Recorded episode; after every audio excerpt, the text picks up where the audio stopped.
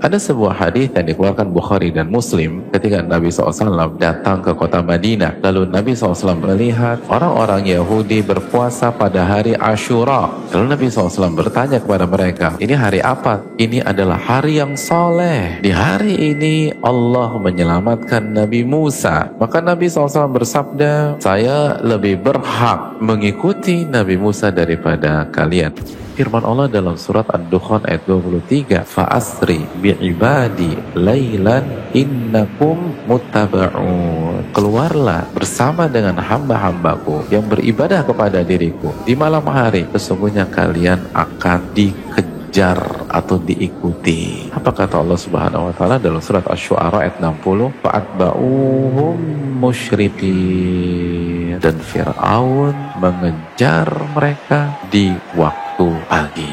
Dan benar kan terjadi kegoncangan di tengah-tengah rombongan Nabi Musa pada hari itu di tanggal 10 Al-Muharram. Dan ketika kedua belah pihak sudah saling melihat satu dengan yang lain di saat itu jamaah jamaah Nabi Musa orang yang beriman kepada Allah mengatakan kita pasti ketangkap udah. Nabi Musa menunjukkan levelnya hadirin. Beliau langsung menjawab, sesungguhnya rohku bersama denganku akan memberikan petunjuk kepadaku dan kita semua.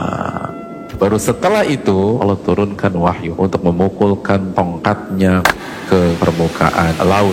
Ini pelajaran besar bahwa setelah tawakal, serahkan semua sama Allah, kita harus ikhtiar dengan maksimal. Walaupun secara matematika manusia tidak akan bisa merubah hasil. Tapi kalau itu yang bisa Anda lakukan dan hanya itu yang bisa Anda lakukan, lakukan hal tersebut dan lihat bagaimana Allah membantu Anda. Bagaimana Allah menolong kita, kapan Allah menolong kita, itu ranah Allah. Tugas kita berusaha, berusaha, berusaha.